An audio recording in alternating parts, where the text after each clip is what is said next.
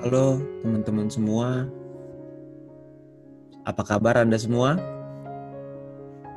Sebuah pesan untuk Anda semua yang sedang berjuang. Be strong, jadilah lebih kuat. Karena saya tahu sekarang ini begitu banyak orang-orang yang membuli kita. Begitu banyak orang-orang yang meremehkan kita, yang bilang kita penipu. Bahkan kemarin beberapa hari yang lalu saya sering melihat adanya orang-orang yang bilang memang enak main kucing-kucingan sama pemerintah. Orang-orang ini mengangkat berita lama yang sedang diproses oleh perusahaan dan menganggap bahwa kita semua ini semua kriminal. Kita semua ini orang yang yang jahat gitu karena berusaha untuk menipu orang lain. Padahal kita semua di Fitup, kita semua menemukan harapan. Kita semua menemukan jawaban. Begitu banyak orang-orang yang sudah mendapatkan hasilnya yang bisa memberikan sedikit perasaan bahagia di tengah pandemi saat ini. Semoga sharing saya hari ini, suara saya hari ini bisa menguatkan Anda semua. Saya ingin sharing sedikit dengan belajar dari sebuah perusahaan yang menjadi pendahulu untuk aplikasi berbasis big data. Sebuah aplikasi yang menjadi trendsetter di Indonesia dengan data yang mungkin sekarang bisa dibilang salah satu yang terbesar yaitu perusahaan Gojek. Saya yakin Anda semua juga tahu perusahaan Gojek sebuah perusahaan fenomenal perusahaan aplikasi berbasis big data yang mungkin bisa dibilang paling fenomenal sekarang di Indonesia. Mari kita belajar dari pengalaman mereka beberapa tahun yang lalu. Gojek berdiri tahun 2015 kurang lebih ya dan Gojek pada saat itu tidak semegah dan sebesar sekarang, juga tidak sekuat sekarang. Pada saat itu begitu banyak gejolak yang terjadi. Begitu banyak orang-orang yang ada yang pro, ada juga yang kontra. Tentunya yang pro adalah kita-kita inilah sebagai penggunanya. Tapi juga tidak sedikit orang-orang yang kontra dengan Gojek ada di antaranya Gojek Bangkalan, ada di antaranya juga beberapa supir taksi ya yang yang kontra dengan konsep Gojek. Karena mungkin mereka melihat bahwa Gojek ini mengancam mereka. Demo di mana-mana saat itu. Di kantor Gojek terjadi demo, Demonya kadang-kadang ratusan orang, kadang-kadang ribuan orang ya. Jadi sebuah perusahaan yang menciptakan trendsetter, suatu perusahaan yang menciptakan suatu perubahan tentunya mendapatkan tantangan yang juga sebanding. Dan Gojek pada saat itu bukan perusahaan yang besar seperti sekarang. Tentu mereka menghadapi semuanya dan akhirnya waktu yang menjawab dan sekarang Gojek menjadi perusahaan yang sangat besar.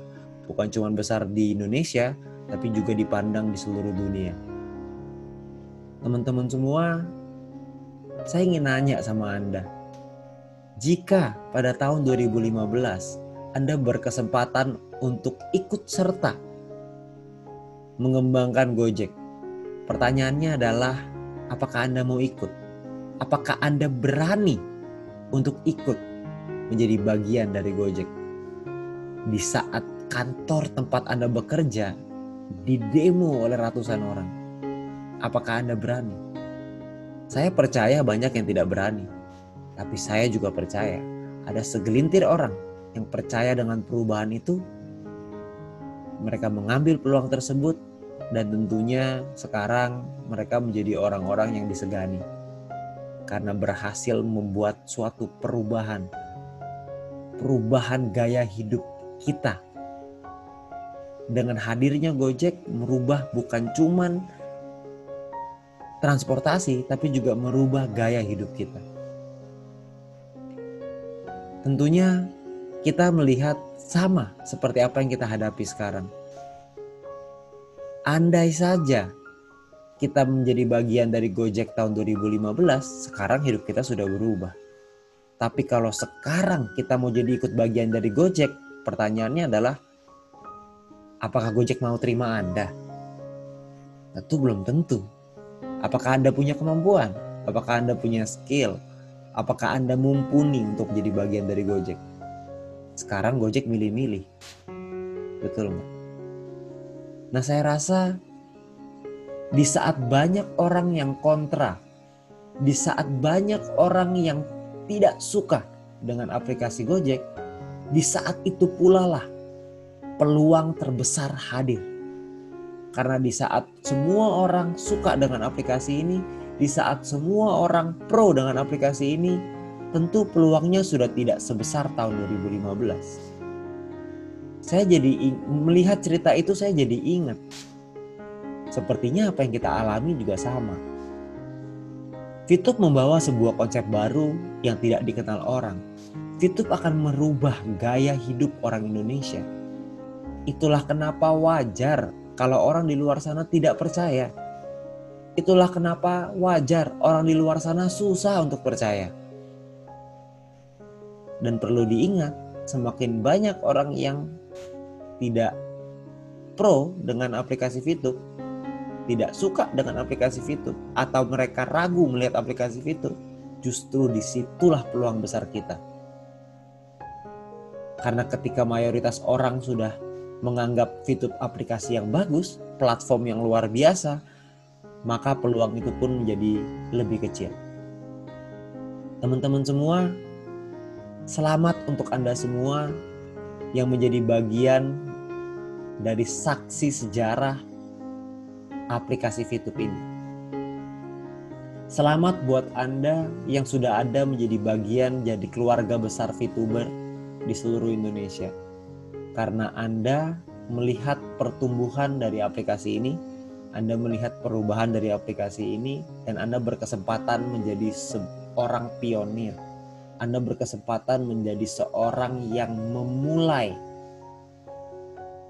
perubahan ini. Selamat buat Anda. Tapi saya juga tahu bahwa menjadi seorang pionir, menjadi seorang pendahulu, it's never been easy. Tidak pernah mudah. Menjadi seorang yang memulai tidak pernah mudah.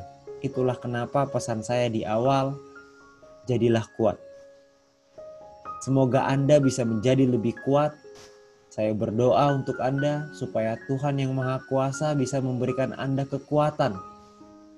Semoga Tuhan yang Maha Kuasa memberikan Anda kekuatan untuk bisa melewati semua rintangan, semua cobaan, dan semua masalah ini. My Future Business School mengeluarkan sebuah program V-Life supaya Anda bisa melihat bahwa orang-orang yang percaya, orang-orang pendahulu yang percaya dengan konsep ini, dengan platform ini sudah mendapatkan hasilnya. Mereka merasakan perubahan hidup yang luar biasa.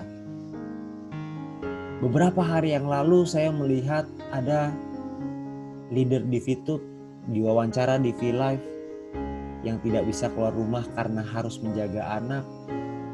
Dari rumah, beliau bisa mendapatkan penghasilan, bisa mengisi rumahnya, bisa membeli kulkas untuk rumahnya, bisa membeli TV untuk hiburan anak-anaknya. Dan itulah kenapa juga V-Live direkam dan dipublish di YouTube. Saya berharap teman-teman semua bisa menonton video tersebut supaya Anda bisa mendapatkan kekuatan, supaya Anda bisa melihat pendahulu-pendahulu Anda yang sudah membuktikan. Dan yang perlu kita lakukan sekarang adalah percaya dengan perusahaan, percaya dengan manajemen, percaya dengan Mr. Jack yang akan berjuang, bukan yang akan sih, yang sedang berjuang mati-matian beberapa bulan terakhir ini untuk menyelesaikan semua masalah-masalah ini. Semua masalah regulasi, semuanya sedang diurus dan semuanya akan selesai indah tepat pada waktunya. Tugas kita adalah jadilah orang yang lebih kuat. Karena orang di luar sana bebas berpendapat apa pun yang mereka inginkan. Kita tidak bisa menutup mulut orang banyak dengan kedua tangan kita. Yang bisa kita lakukan adalah menutup kedua telinga kita dengan kedua tangan kita dan terus maju. Berjalanlah bersama orang-orang yang percaya dengan kita. Berjalanlah bersama orang-orang yang percaya dengan Anda. Dan jangan kita memusuhi teman kita yang tidak sependapat dengan kita. Karena pendapat selalu bisa berubah dengan bukti. Itulah kenapa buktikan dengan pencapaian Anda. Buktikan dengan perubahan Anda. Buktikan dengan hasil Anda. Karena ingat, yang terpenting bukan apa kata orang di luar sana, tapi yang terpenting adalah senyum dari keluarga kita. Senyum dari anak kita. Senyum dari orang tua kita.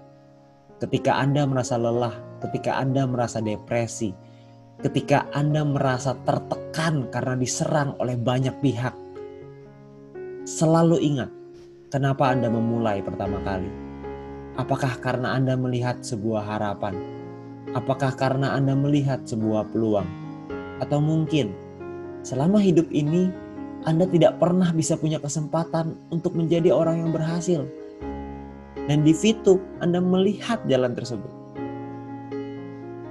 Dan saya berharap Anda selalu ingat dengan alasan Anda. Anda selalu ingat dengan impian Anda. Karena itulah yang terpenting. Karena kita hidup di dunia ini bukan cuma untuk sekedar lewat. Tuhan menciptakan semua hal yang indah di dunia ini untuk kita nikmati. Namun, untuk menikmati itu semua harus ada perjuangan. Harus ada kerja keras yang kita lakukan. Dan itulah yang paling penting untuk melihat senyum orang-orang tua, orang tua kita, untuk melihat senyum orang-orang yang kita cintai. Itulah yang terpenting. Dan Anda harus selalu ingat bahwa saya dan leader-leader Anda selalu mendoakan Anda, selalu mendukung Anda, supaya Anda bisa mencapai apa pun yang Anda inginkan. Saya berharap saya bisa melihat foto Anda, foto keluarga Anda, foto anak Anda, dan foto itu berisikan senyuman-senyuman yang indah.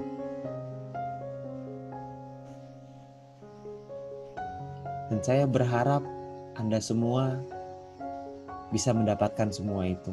Itulah kenapa jadilah lebih kuat, jadilah lebih kuat. Dan saya yakin dan percaya Anda pasti bisa. Terima kasih.